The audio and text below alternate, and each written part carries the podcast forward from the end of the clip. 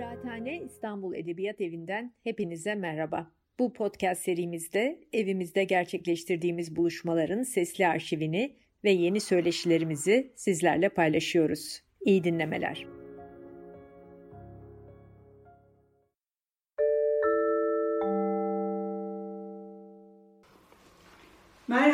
Akşamlar. Kıraathane'nin edebiyat tarihi konuşmalarına hoş geldiniz. Bu seri bizim Didem Ardalı Büyükarman ve Yasemin Çongar'la birlikte başlattığımız ve Türkçenin üzerinde az konuşulmuş ya da daha hiç konuşulmamış eserleri üzerine konuşmak ya da Türkçenin bilinen eserlerinin e, üzerinde durulmamış yönlerini ele almak için oluşturduğumuz bir seri. Bu seride bu e, dizi, edebiyat tarihi konuşmalarını birlikte organize ettiğimiz e, Didem Ardalı Büyükarman'la birlikteyiz. Merhaba Didem. Didem'le birlikte bu seri içinde ayrı bir seri oluşturabilecek olan e, polisiye tarihini konuşacağız bugün. Bu seride daha önce polisiyenin bilinmeyen kadın, kadın yazarlarını konuşmuştuk. E, bugün de yine edebiyat tarihlerinde az bilinen ve polisiye tarihinde de aslında neredeyse yeni gün ışığına çıkmış olduğunu söyleyebileceğimiz bir seriyi Milli Cinayet Koleksiyonu'nu Süleyman Sudi ve Vassaf Kadri'nin birlikte yazdıkları bir seriyi konuşacağız. Bu seri içerisinde genelde e, polisiyede hep e, yazarlar biraz karanlıkta kalmış, aydınlatılmamıştı. Netekim e, Süleyman Sudi ve Vassaf Kadri de öyle. Evet, kimdir bunlar, bu yazarlar? E, şeyle başlamak istiyorum aslında. Biz bu seriye yüz yüze başlamıştık e, bu binada. E, ardından online'a geçtik Covid'le. Şimdi de e, çekimle devam ediyoruz. Umarım üçüncü aşamada gerçekten yüz yüzeye e, bizi dinleyen e, meraklı seyircimizle, öğrencilerimizle yeniden buluşuruz. E, kimdir bunların e, cevabı e, aslında benim bu kitapta tanışmamla da ilintili. Önce oradan başlayayım.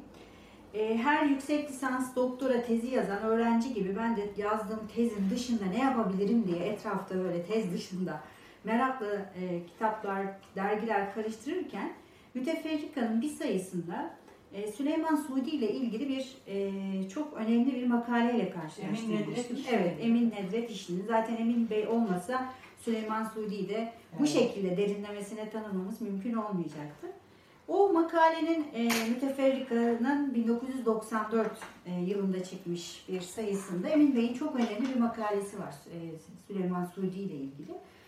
E, makalenin hani her şeyini anlatıyor yazarla ilgili ama beni asıl ilgilendiren, heyecanlandıran kısmı eserler dökümünde bu Milli Cinayet Koleksiyonu alt, yani üst başlığı altında vermiş olduğu kitapların listesiydi. E, ve bu kitabın hani peşine düşmemi sağlayan e, eserler işte e, ye, Kanlı Peri, işte Karaca'dı. Bu 10 kitaplık seri. Ve tezi yani tez çalışmaları yaparken Milli Kütüphane'de ben bu kitabı da araştırdım. Bu kitabın da elime ulaşmasıyla tezden sonra e, bunu çalışmaya başladım ve bu şekilde aslında benim polisiyeyle de buluşmamı sağlayan kitap bu.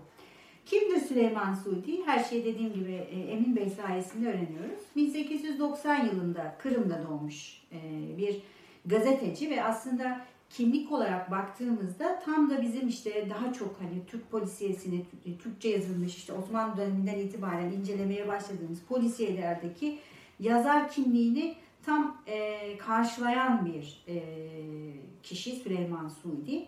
Bir yayın evi sahibi, çok çeşitli kitaplar basıyor, tefrikalar yayınlıyor. Her türde hani tam e, 10 paralık öykü olarak isimlendirilen tarih, işte polisiye, e, merak aver hani eserler Yani önemli. Evet. matbuatçılarından. aslında. Sadece matbuatçılık da yapmıyor. Yani ticaretle de uğraşıyor. Fotoğraf malzemeleri getiriyor, satıyor. Ee, ve hani bir sürü dergide hem yayıncı olarak hem baş yazar olarak hem editör olarak e, çalışıyor. E, bu şekilde hani e, şimdilerde de maalesef hani unutulmuş. İşte bir makalede hani kalmıştı ama şimdi yine e, eserleri zaman zaman e, basılıyor. Moranzade Vassaf Kadri ile ilgili ise maalesef benim Evet. çok yoğun bir bilgim hiçbir zaman olmadı. Yani çok Evet. az hakkında Hala da öyle. hala da öyle. Ama eserlerini biliyoruz. Eserleri bugüne Çok kalmış. velut. Ve işin ilginç yanı tiyatro eserleri de var. İşte ikinci meşrutiyet sonrasında özellikle bu e, Abdülhamit'i yeren, e, onun e, yapmış olduğu işte e, politikayı, icraatları e, eleştiren hatta e, üst boyutta eleştiren e, eserleri var. İşte Mukaddime-i İnkılap, Sultan Murat, Yıldız Faciaları gibi öyle tiyatro metinleri de olan, aynı zamanda e, romanları olan ama e, Balkanlarda hani yaşamış olduğunu bildiğimiz ama şimdilik kaydıyla çünkü Türk Edebiyat Tarihi gerçekten hep konuştuğumuz gibi çok dinamik bir edebiyat tarihi. Her an her şey olabiliyor. Hemen e, bir e, makale e, bir dergide kalmış bir tefrikadan, hiç daha önce fark edilmemiş bir yazmadan, hiç daha önce okunmamış bir gazeteden e, Moralizade'nin de hayat hikayesini bulabiliriz. E, yazarlarımız bunlar. E, tam da Balkan Savaşları döneminde birisi Mora'dan, diğeri Kırım'dan, Süleyman Suudi'nin Kırımlı olduğunu sen de söyledin. İki yazarın polisiye yazmak için buluşmaları çok da şaşırtıcı değil sanırım. Öyle değil mi? E, bir de kitaptan bahsedelim. E, bu kitabın da bir hikayesi var aslında ve bir yarım kalan teşebbüs değil mi? Evet, e, şimdi e, kitap için genel olarak yani e, polisiye edebiyat tarihimizde e, 10 paralık öykü, dime fiction olarak işte e, geçen bu 10 paralık e, öykülerin e, özelliği çok e, kısa, kısa olması, işte haftalık, olması. aylık belki hani basılması ve hep biten hikayeler olarak tasarlanmış olması. Genelde aslında bir kahraman var. İşte Cingöz bunlardan en çok bilinen kahramanımız. Aman vermez Avni, Faka batmaz zihni gibi. Ele geçmez kalcı ki bunların hepsi artık okuyucunun da bugünün okuyucusunun da bildiği kahramanlar oldular. Ee, ama hepsinin bir e, başlayan ve biten hani hikayeler. Bu Milli Cinayet Koleksiyonu da o tarz bir seri olarak tahmin ediliyor. Ama öyle değil. Bunlar 10 e, tane içinde sanki farklı öykü varmış gibi duran aslında bir romanın bütününde baktığımızda 10 bölümden oluşan ve e, maalesef sonu da kendi içinde tamamlanan ama okuyucuya e, aslında bir devam öyküsünün de olduğunu ihbar eden bir roman bu. E, bu da aslında yine e, polisi edebiyat tarihimizde ilginç yani tek başına Tabii. kalan duran tek başına bir hani örnek. Tür olarak oldukça da ilginç bir e, seri aslında Milli Cinayet Koleksiyonu. Mesela içindekilere bakalım. Kanlı Peri, Kara Cadı, Siyah Pençe, Ani Felaket, Görülmemiş Bir Aşk, Yeraltı Şehrinde Bir Cinayet, Çin Guguklu Saat, Kanlı Peri'nin Son Aşkı, Esrarengiz Bir Düğün, Dirilen Cenaze. Şimdi bu başlıklar aslında 1928'e kadarki Arap harfli polisiyelerde ve e, sonrasında da bizim çok rastladığımız başlıklar aslında. Bunlarla biz birçok defa karşılaşıyoruz. Bu Çin hukuklu saat özellikle önemli bunların içerisinde. Buna da yine daha sonra değiniriz. Peki kimdir bu kahramanlar? Milli Cinayet e, romanı kahramanları kimdir? Ona gelmeden hani belki dinleyiciler şunu merak ediyorlardır bu romanın e, neden bir devamı olduğunu varsaydığımıza dair. Çünkü bu dönemin e, özellikle bu işte e, tefrika usulü ya da işte e, fasikül, fasikül. fasikül fasikül gibi basılan hani eser mantığında e, bir sonrakinin ha haberini vermek, reklam yapmak da bir hani yayıncılık geleneği. Bu e, bizim elimizdeki koleksiyonun 5. kitabının arkasında yani bittikten sonra onun arkasında aslında bir haber veriyor yazarlarımız okuyucularına ve diğer basılacak olan 10 kitabın adını söylüyorlar. Daha doğrusu 10 bölümün. Bunlar da Yaver Bey Kimi Seviyor, Yer Altında Yangın, Ecinliler Arasında Kayıp Kızlar, Yer Altının Çakıcısı, e, mühim ve müthiş bir define, 7 sene kayıp bir insan yahut kömürcü Hüseyin vakası, mühim bir keşif, yer altını keşfeden çocuk ve sonuncu 10. E, fasikül bölüm son vaka ve son cinayet. Yani aslında bu eser tamamlanmış haberini veriyorlar. Şimdi bununla ilgili de spekülatif konuşabiliriz yani dedektif gibi. Bu eserler var mı acaba? Hani yaş, bunlar yazılmış olabilir mi? Benim ede, edebiyatçı, e, edebiyat tarihçi kimliğim bunların yazılmış olduğuna dair bir inanç besliyor. Umut ediyorum. Umut ediyorum bunu. Peki bunlar nerede? Şu an bizim bulamadığımız bir yerde ve biz polisi araştırırken bunları da belki buluruz. Ne, ne olmuş olabilir? Hani e, düşünüyoruz. Dönemin e, matbuat dünyasında bu eserler e, yazılmıştır ama dizgiye gitmeden el yazmasında kaybolmuş olabilir. Ve bu şekilde belki bir yerde bir terekeden bunlar e, çıkabilir. Çünkü Moralizade hakkındaki bilgimiz e, çok az e, ve belki de onun hani hayatını da bulduğumuzda belki onun terekesinden çıkacaktır. Belki Süleyman Sudi için böyle bir şey daha netleşti çünkü onun hayatı. Mesela şey Balkanlardaki kütüphanelerden. Evet, yani bu çok önemli çünkü çok da fazla araştırmacılar Balkan kütüphanelerine bakmıyorlar. Kötü senaryosu ne olabilir? Bir yangında, İstanbul'un meşhur bir yangınında e, evlerden birinde belki de bu yazma olarak kalmış olan bu 10 hani esrarengiz, müthiş, dehşetli hikaye ortadan tamamen kaybolmuş olabilir.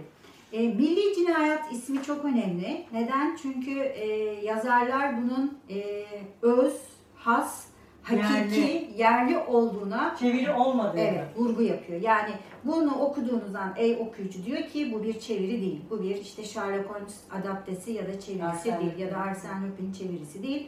Bunlar bizzat e, şahsımız tarafından yazılmış eserler. E tabi e, eserler hakkında hani bu biraz önceki söylediğim hani şöyle yazılmıştır, yazmada kalmıştır diye şuradan da şüpheleniyoruz. Çünkü bu tarz eserlerde de çok gördüğümüz bir e, yayınlanma ve yazılma tarihi arasında da bir fark var. Kitabın dış kapağında 1330 tarihini görüyoruz ki 1914 senesine denk geliyor. Ama e, yazarların e, söz. ön sözünde kendilerinin attığı tarih ise 1327. 1912'ye denk geliyor. Ama senin de ifade ettiğin gibi belki bizim üzerinde çalıştığımız nüsha ikinci baskı nüshalar olabilir. Bulduğumuz, bulduğumuz şey. nüshalar. Hani birinci baskılar evet, 1912'de evet. yapılmış olabilir. Bu ilk baskıları tespit etmek için elimizdeki en önemli imkan aslında o dönemin gazetelerinde yer alan ilanlar. Fakat biz şimdiye kadar bu kitapların gazetelerdeki ilanlarına rastlamadık. Eğer e, yani 1912'de yayınlanan gazetelerde böyle bir ilan varsa bu kitapların ilk baskılarının 1912'de e, olduğunu e, ve 1912'de yazıldığını. 12'den itibaren hani planlandığını, yazarların bu konu üzerine düşündüğünü ve 14'te de belki de e, maddi olarak da evet, pasikül olarak tamamlandığını düşünebiliriz. Tek tek basılıyorlar bu kitaplar. Ve tabii senin biraz önce söylediğin gibi 12 ile 14 yılları çok önemli bir e, tarihe e, tekabül ediyor. E, Osmanlı İmparatorluğu'nun işte Balkan Savaşları'yla ve e, Birinci Dünya Savaşı arasında denk düşüyor ve tabii ki buradan da bizi genelde bu polisiyelerde, bu tarz polisiyelerde çok karşılaştığımız e, işte güçlü, milli, milliyetçi, mil, e, milliyetçiliği evet. çok e, Evet zeka ve e, güç çok önemli. Özellikle e, polis kahramanı için e, Sherlock Holmes'ten daha zeki olmaları ki bu da bilinçli olarak yazarların söylüyor. Hırsızlarsa Arsène Lupin'den daha yetenekli. Yani evet. bu aynı zamanda bizim bu yazarlarımızın da e, Batı polisiyesini, Batı e, edebiyatının da özellikle bu kolunu çok iyi bildiklerini, takip ettiklerini, okuduklarını ki zaten baskı olarak da baktığımızda belki yayın evlerinde kendilerinin de bu eserleri çevirip bastıklarını görüyoruz. Bir de şöyle bir şey var aslında. Bunlar e, edebiyat tarihlerimizde milli edebiyat dönemi olarak bilinen bir döneme ait eserler aslında ve e, dönemin e, bu edebiyat içerisinde yer alan genç kalemlerinden de çok yoğun etkiler e, taşıyorlar. Bildiğimiz gibi bu dönem Türkçenin, Türk edebiyatının Türkçe yerli eser vermenin tartışıldığı, aynı zamanda milli vezin tartışmalarının yapıldığı, hece veznine dair tartışmaların olduğu bir dönem. Tam da bu dönemde Ziya Gökalp'in bu tarz eserler için ortaya koyduğu bir kavram var. On paralık roman kavramı. Bu dime novel'a karşılık gelen bir kavram. İşte hem ucuz hem de az sayfalı halkın rahatça okuyabileceği kitaplar için bu kavramı öneriyor. Ve orada şöyle bir şey, bu tartışmalar içinde şöyle bir şey söylüyor Ziya Gökalp. Evet tabii ki haiz edebiyat önemli ama bizim milli edebiyat için halka da ulaşmamız gerekiyor. Ve bu halka ulaşmak için de tam da polisiye tarzındaki eserlerin e, önemli bir rolü olduğunu belirtiyor. Şimdi bu dönem sadece polisiyenin değil aynı zamanda erotik matbuatın da çok yüksek olduğu bir dönem. Ama her ikisine de baktığımızda ortak olan ne? E, güçlü Türk erkeği güçlü Türk erkeği, iktidar, iktidar odaklı, zeki, her şeyi yapabilen, cesur ve kadınların bu iktidarı gösterdiği bir alan olarak da aslında polisi edebiyat bu dönemde ortaya çıkıyor.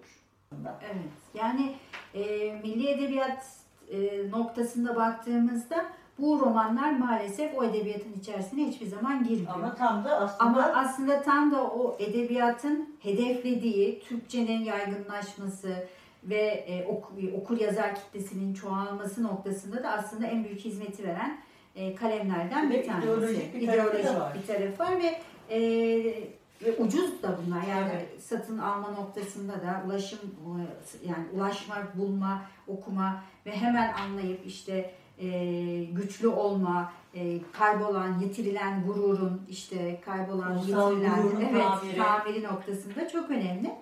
Şimdi kahramanlarına baktığımızda da yine bu e, eserde özellikle Milli Cinayet'in içerisinde de çok geniş bir hani İstanbul e, yelpazesinden insanlarla karşılaşıyoruz. Hem zenginler, hem orta sınıf, hem alt sınıf, hem e, göçmen gelmiş işte mesela çok bir de dili de çok e, mizaha yakın noktaları da var. bir de ağızlar var tabii değil mi? Her e, millet kendi e, Türkçeyi kendi ağzıyla işte ağzına göre, ağız özelliklerine göre konuşuyor. İşte Ermeniler, Rumlar, Yahudiler, Kürtler. Ve bunun içinde özellikle e, dilde hani Arap alfabesinde bunu kullanmışlar. O biz de bunu okurken hani bayağı bir imla. e, imlası noktasında e, ilginç bulmuştuk. Şimdi biraz konusundan hani bahsedersek e, şimdiye kadar okuyamamış olan okuyucular için e, aslında bu romanın en ilginç tarafı bir yeraltı şehri ve Evet. bir İstanbul yerüstü hani İstanbul'un birbiriyle karşılaştırılması veya birbiriyle olan ilişkisi üzerine kurulmuş bir e, roman. E, bu tabii şu, akıllara şunu getirmemeli. Bu bir gotik roman da değil. Hani aşağıda e, işte e, ne bileyim vampirler veya işte Bir farklı- da He, evet bir distopya da değil. Aslında tamamen kurgusunu e, İstanbul'da e, burada zaten romanın daha en başında onu açıklayarak hani gidiyor yazarlarımız. Özellikle Yeniçerilerin hani ilgası esnasında e, bir İstanbul'un kendisine yer altında e, bir derviş ağa isminde Yeniçeri hani e, ile ilişkisi olan bir derviş ağanın Bektaşi. Evet. e, kendisine yer altında bir şehir kurması ile ilgili. O da tesadüfen o şehri buluyor.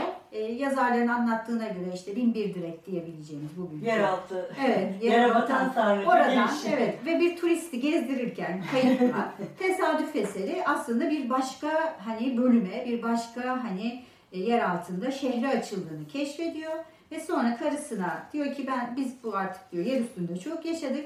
Çevremizden diyor dostumuzdan, arkadaşımızdan, güvendiğimiz insanlardan bir grupla biz artık diyor yer altında yaşayalım.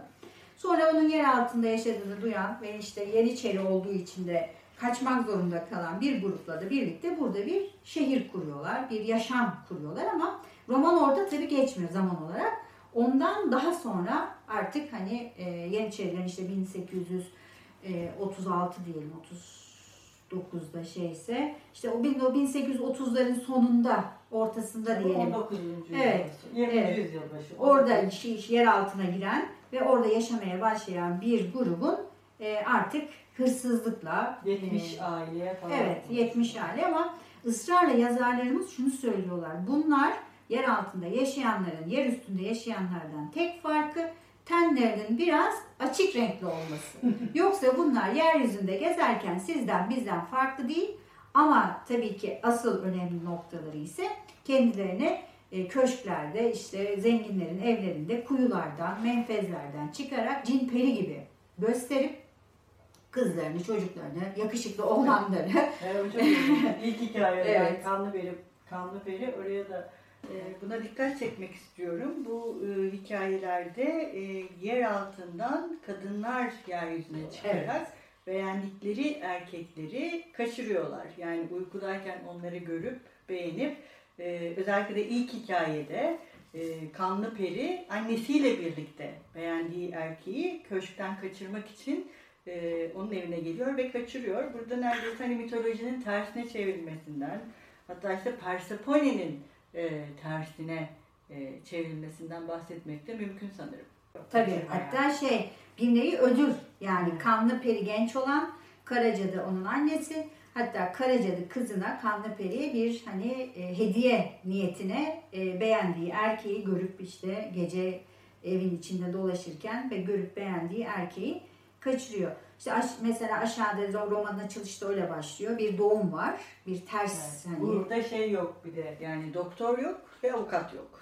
ama ebede istemiyorlar. Gerçek doktor istiyorlar. Onun için bir e, Lafta. evet bir Ermeninin zengin bir Ermeninin Bedesten'de hani e, altın işiyle uğraşan evet, evine girip ondan zorla bu sefer de Rum bir hani e, Evet. lafta kaçırmasını Doktor, ve doktor kaçırmasını istiyorlar ve roman hani aslında aksiyonla da başlıyor. Hırsızlıkla falan değil. Çok ilginç bir şekilde bir e, şeyle- Tehdit ve adam tehdit kaçırma. ve adam kaçırmayla başlıyor. Olaylar ondan sonra gelişiyor. Biz ondan sonra. Bir de ro- ilginç bir yapıları var. Mesela Kanlı Peri'de Karacadı'yı anlatıyor. Karacadı'da Kanlı Peri'yi anlatıyor. Mes- Ve Siyah Pençe'ye gelene kadar ki bu da bizim işte yer üstündeki polis hafiyemiz. Evet. Ee, Siyah Pençe Hüseyin Bey'e gelene kadar biz Siyah Pençe'yi 3 bölüm görmüyoruz. Sadece adını duyuyoruz. Ve Siyah Pençe bir gün menfezden baktı diye yer altında bir şaya dolaşıyor ve bir korku seli başlıyor. Ama Herhalde aslında okurlar buraya bir polis lazım.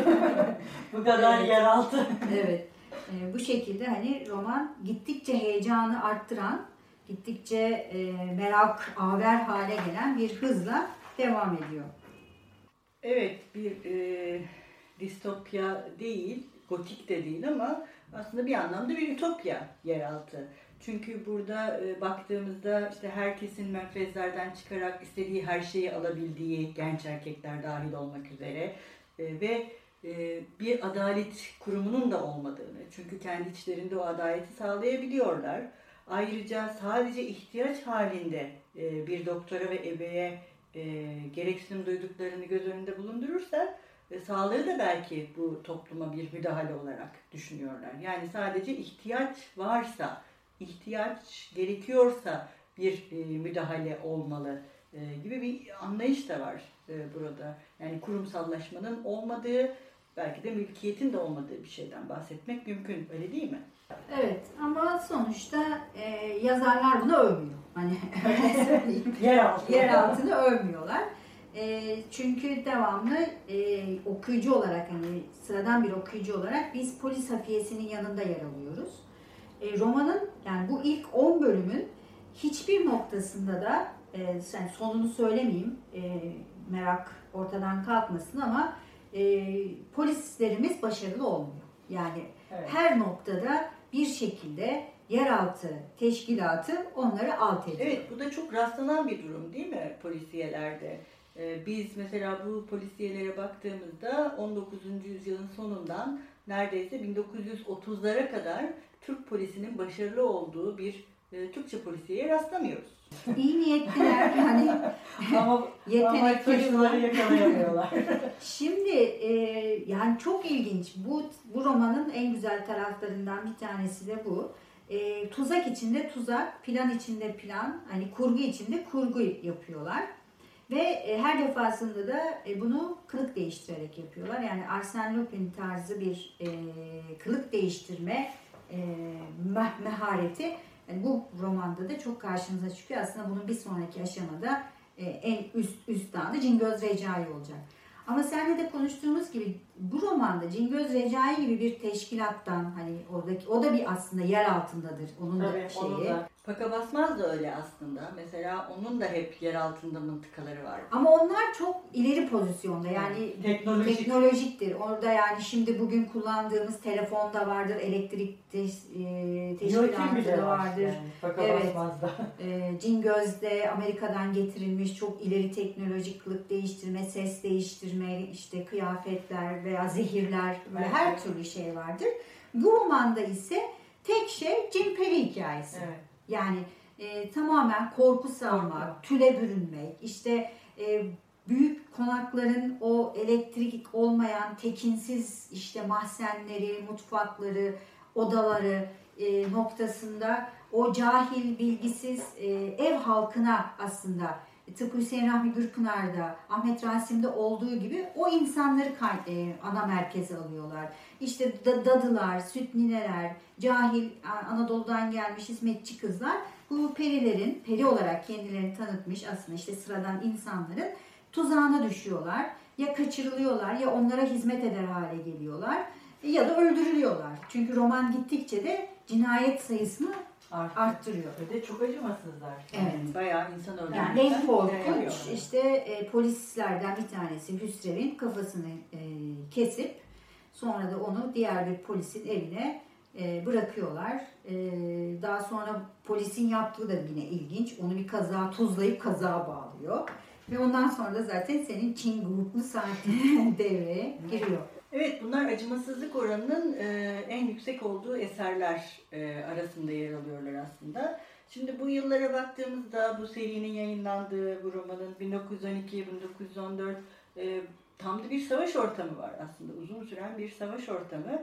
Bunların tam da bu savaş ortamında yayınlanmaları e, belki bir savaş alegorisi diye de düşünülebilir.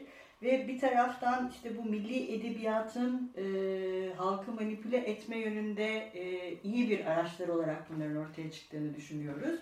Hem ulusal gururun onarılması noktasında işe yarıyorlar hem de aslında e, yine bu e, konuşmamızın başında söylediğimiz gibi ve yine senin de söylediğin gibi milli edebiyatın bahsedildiği yerlerde işte Ömer Seyfettin'in olduğu yerde neden Süleyman Sudi ve Vassaf Kadri'den bahsedilmiyor e, meselesi de tekrar gündeme geliyor. Çünkü bunlar da tam da bu e, halkı manipüle edecek bir edebiyatla ve bu edebiyatın ürünlerini yaratarak aslında bu milli edebiyatı oldukça araçsallaştırıyorlar ve e, büyük bir e, hizmet haline getiriyorlar bu dönemde ve yine bunların çok etkili olduğunu nereden anlıyoruz? E, evet ucuzlar ama çok satıldıklarını da üzerlerindeki baskı e, sayısından e, görebiliyoruz. Çünkü o zaman da baskı sayısı yazıyor kitaplarda.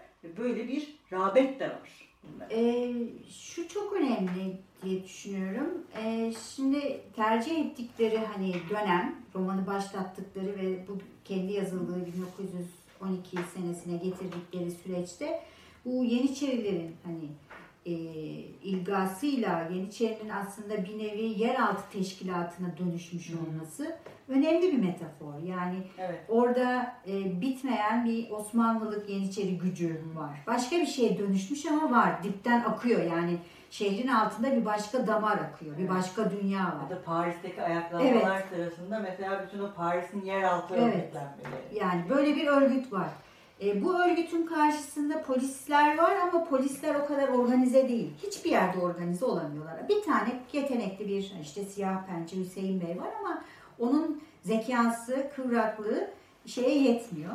İkinci aşamada da e, bu tarz romanlarda karşılaştığımız zengin, sarayla ilişkisi olanların yozlaşmış olması. Yani hem e, zaptiye nazırı, işte zaptiye müşri yani bunların bir şekilde ele geçirilmesi ve kendi çıkarları, kendi keyifleri, kendi e, hayatlarının devam edebilmesi için hemen Halka eziyet. Evet, halka eziyet etmek veya e, sahip oldukları erki kötüye kullanmak var ki roman zaten tam o noktada Hı bu bölümünü bitirmiş. Yani herkesin herkesten şüphelendiği an. Bir e, kumpas var ortada çok büyük bir tuzak kuruyorlar çünkü yeraltıdakiler ve bu kumpası hiçbiri fark etmiyor ve herkes herkesten şüpheleniyor. Şimdi bu herkesin herkesten şüphelendiği durum da aslında çok önemli. Yani e, 12-14 işte İttihat ve Terakki işte kim bunlar? Hani hangisi hangisi bizi savaşa mı sürüklüyorlar? Hangisi doğru söylüyor? Yani bu romanlar aslında alttan alta çok doğru çok doğrudan bir eleştiri, hükümet eleştirisi yapmasa da aslında o düz okuyucusuna şüphelenme gerektiğini ortaya koyuyor. Sen gördüğünden şüphelen diyor. Evet. Cin sandığından şüphelen. insan sandığından şüphelen. İşte doğru sandığından şüphelen. Yani bu şüphe tohumunu atma fikri bence bu romanların yazarlarının hani doğrudan bunu düşündü, aldı eline kalemi bunu yazdı demiyorum ama ortamın yaratmış olduğu bu tekinsizlik, bu e, geleceğe karşı belirsizlik, iktidarın devamlı el değiştirir olması. E, bütün Tabii bunlar ve Terakki'nin o dönemde Evet, yaptıkları. yaptıkları e, yazarların da hani kendilerini bu şekilde e, korumaya alıp işte e, eserlerini, kalemlerini ve e, kitlelerine belki de okuyucularına işte bu şekilde bir nevi e, seslenmeye çalıştıklarını bana, bana düşündürüyor ve bu şekilde de bu romanlar aslında e, incelenmeye çok müsait. Şüphe, tekinsizlik ve bir de şehir. Yani. Şehir. Yani şimdi onu söyleyeceğim. Yani bu romanı alıp biz aslında tıpkı Da Vinci şifresindeki gibi gezebiliriz. Çünkü e, şeyin Siyah Pençe'nin en yakın adamı Aptal Hüseyin, e, pardon Aptal Ahmet e, hırsızların konuşmalarını e, işte bugünkü e, Sultanahmet Meydanı'ndaki yılanlı hani sütunun olduğu yerde duyuyor. Oradan aşağıya doğru bir aslında e, yer var.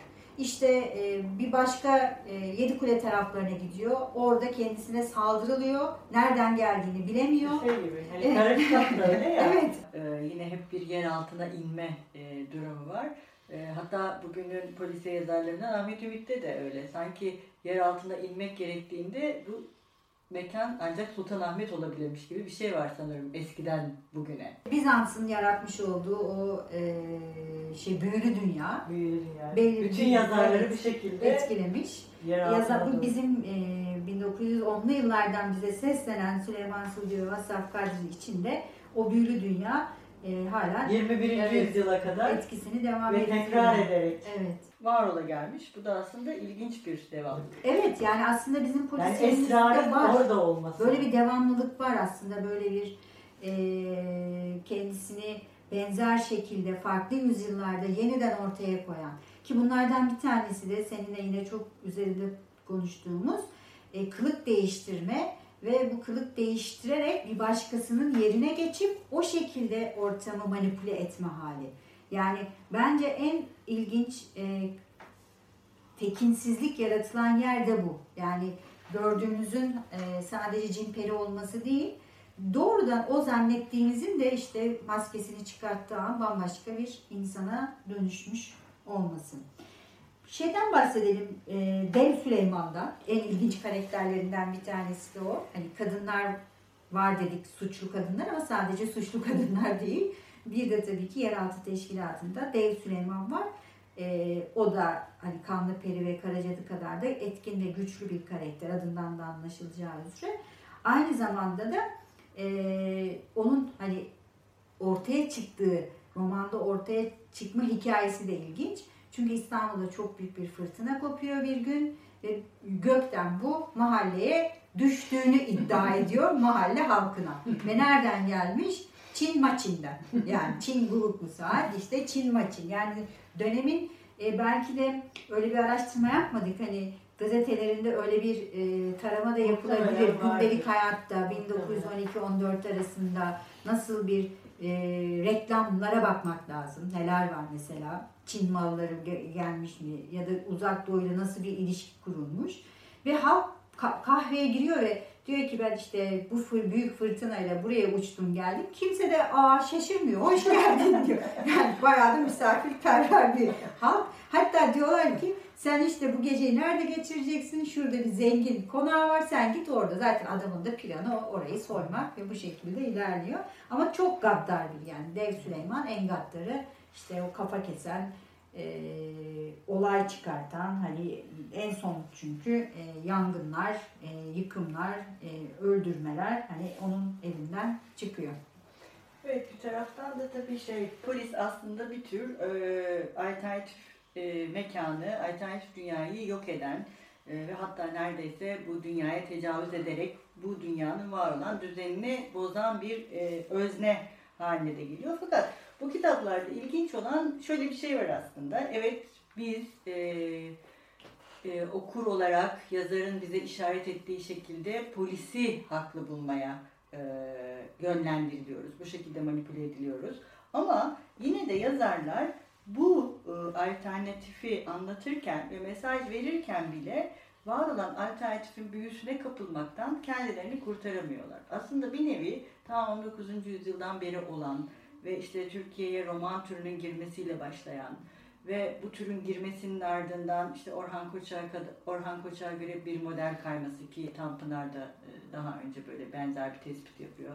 Ben daha sonra Nurdan Göblek ve Jale Parla'nın da benzer bir şekilde yorumladığı e, bu kapılmayı e, anlatmaları da önemli bir ayrıntı aslında. Çünkü o kapılma aynı zamanda bize bu işaret ettikleri şeyin karşısında bir alternatif yaratıldığında da onu da beğenmekten kendilerini alamadığını bize gösteriyor ve bu aslında bir nevi yazarların dil sürçmesi.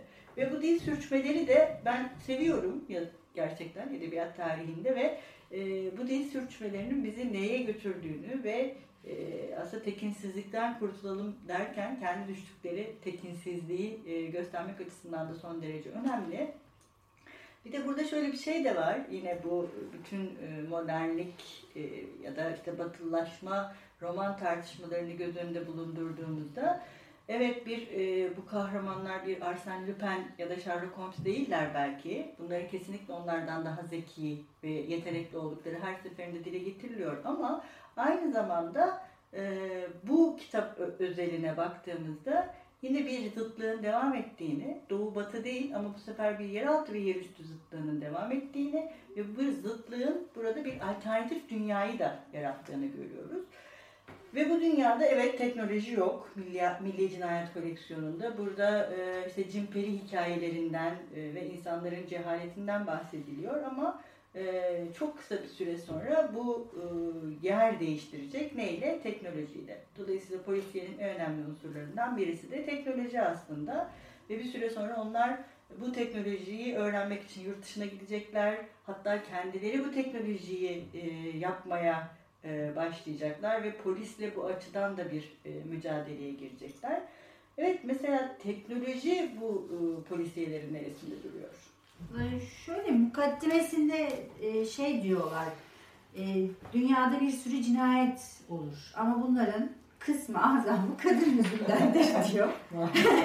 o yani, evet. Sonrasında e, da diğerlerinde evet, de yine kadın yüzünden. Kadın yüzündendir. Paraya hani ya zaten dünyada da cinayetlerin sebebi işte mülkiyet. E, mülkiyet. ya kadın ya para ya iktidar ama sonuçta Ama mülkiyet. Ama diyor biz diyor terekkiyatı fikriyedeyiz diyor. Yani başka bir şey anlatacağız. Yani burada aslında bir planları var. Başka bir yani cinayetlerin sebebi sadece bu değildir. Ve getirmişler.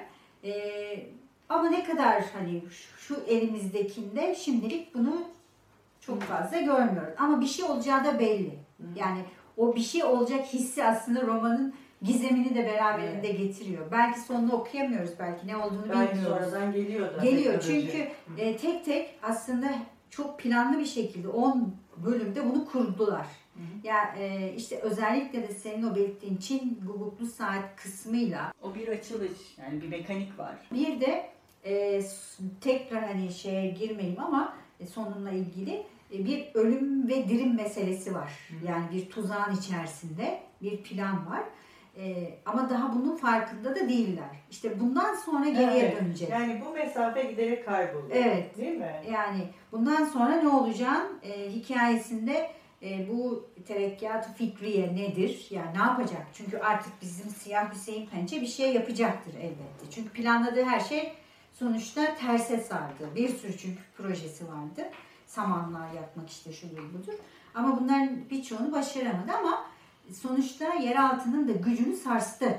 Yani çünkü artık yer altındakiler de eskisi kadar rahat bir şekilde giriş çıkış yapamıyorlar. Çünkü onlar son e, oyunlarını oynadılar. Dev Hüseyin, e, Dev Süleyman bir düğün evini basıp orada çok ilginç şeyler yaptı. İşte olay zaten 10. kitaptan sonra diğer ilk 10, e, diğer 10'da bambaşka bir noktaya dönecekti. Ama tekrar yani şunu e, söylemekte fayda var.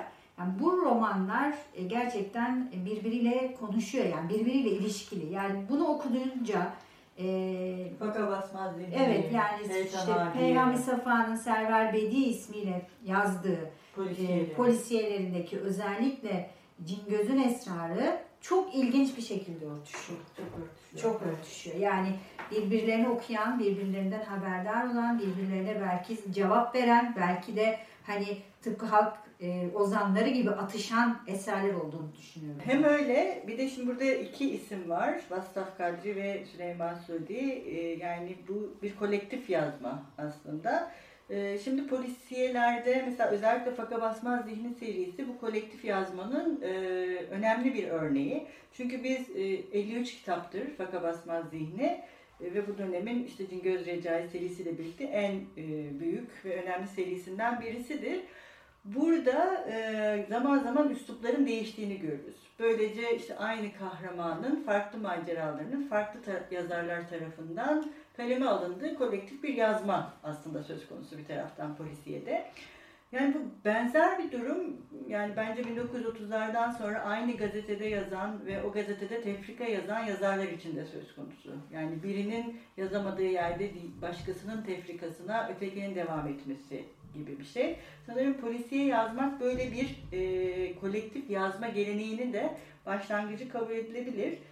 Bir de tabii burada şunu hatırlatmamız gerekir. Yani burada cinayet kelimesi bugünkü kullandığımız anlamda birini öldürmek e, anlamında kullanılmıyor. Yani cinayet e, nefse karşı işlenen suçların hepsi anlamında. Dolayısıyla bu namussuzluk da olabilir, kundakçılık da olabilir, e, her şey olabilir. Yani suç olan her şey. Hatta belki de bunlara suç edebiyatı e, demek e, daha doğru bile olabilir. Bir de son olarak şu da önemli. Bu e, milli cinayet koleksiyonu hani yerlilik e, ve milli olmak ön plandayken e, burada sanki roman yerine koleksiyon kelimesini kullanıyorlar. Hani fasikül fasikül devam ediyor ve bittiğinde bir şeye dönüşecek.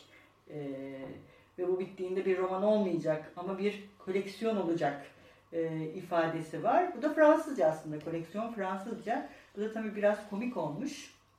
Yani hem milli cinayet hem de hep yani başlığa kolek, Fransızca koleksiyon kelimesini koymak. Ama güzel bir tenakuz herhalde. Dönemin zihniyeti e, ve yani yazarın kafasındakileri Koleksiyon görmek. noktasında şey de düşünebiliriz. Bir sürü suçun bir araya gelmesi. Her şey var çünkü. Yalan, işte kandırmaca, hırsızlık, işte cinayet, e, adam kaçırmaca, ondan sonra tecavüz yani Çok var evet, her şey. e, burada hani öyle bir e, pek polisiyelerde karşılaşmak az karşılaştığımız suçlardan bir tanesidir yani tecavüz. E, Evet, bunda burada çok var. Burada Evet. çok var. Evet doğru. Bundan sonraki e, yani polisiyelerde neredeyse tecavüz suçuna hiç rastlamıyoruz. Yazarlar buna özellikle dikkat ediyorlar.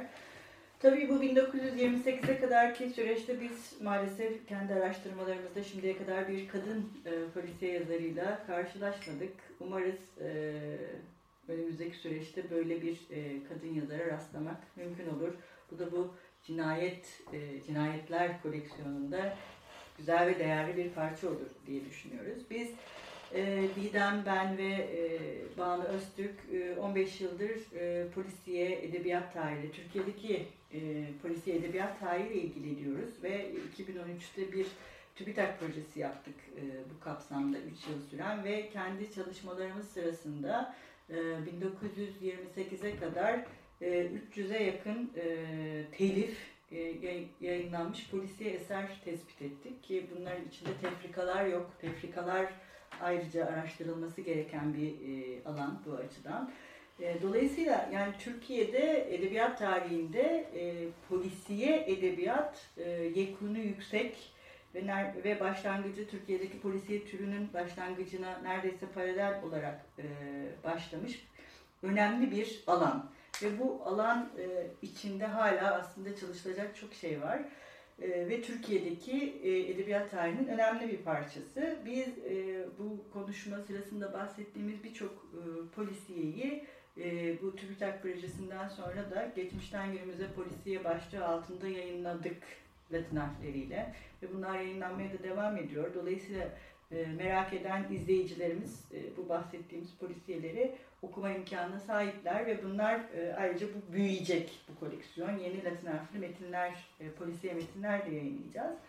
Yani dolayısıyla çok eski bir tür polisiye e, Türkiye'deki edebiyat tarihi açısından. Nevzuhur bir e, tür değil. Ayrıca kültürel tarih çalışmaları açısından, şehir tarihi açısından, Türkiye'deki politik tarih açısından ve ne diyelim yeraltı tarihi açısından da çalışmak için çok uygun bir tür polisiye.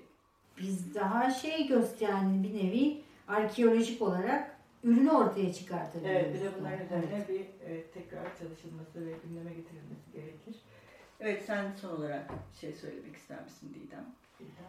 Ee, Vassaf Kadri, Süleyman Sudi kendi dönemlerinde e, ne kadar tanırlardı bilmiyorum ama E, biz şimdi onların bir şekilde e, gün yüzüne çıkmalarını sağladığımız için sırf onlar adına mutluyum. E, unutulmadıkları için. Çünkü maalesef kütüphanelerde bazı e, kitaplar e, depolara kaldırılıyor ve bu depolara kaldırıldıktan sonra da artık okuyucu koleksiyonlarına çıkartılmamaya başlıyor. Sebebi de hiç tercih edilmedikleri için. Yani hiçbir okuyucu Evet, onlara kimse gidip onlara almamış. Ama alamazlar çünkü Arap alfabesinde nasıl alsın okuyucu da ne yapsın? İşte bu şekilde hani e, bir tuğla biz de taşıyabildiysek hem onların ruhları adına hem edebiyat tarihimizin adına ne mutlu bize. Evet. Evet, bir edebiyat tarihi konuşmalarının daha sonuna geldik. Ee, Bugün e, ilk dönem polisiyelerinden bahsettik. Bir sonraki edebiyat tarihi konuşmalarında 21. yüzyılın Türkçedeki önemli polisiye e, yazarlarından ve yakın zamanda kaybettiğimiz Celil Oker hakkında yine günümüzün önemli polisiye yazarlarından Çağatay Yaşmıt'la e, birlikte Didem polisiye konuşmaya devam edecekler. Hoşçakalın. İyi günler.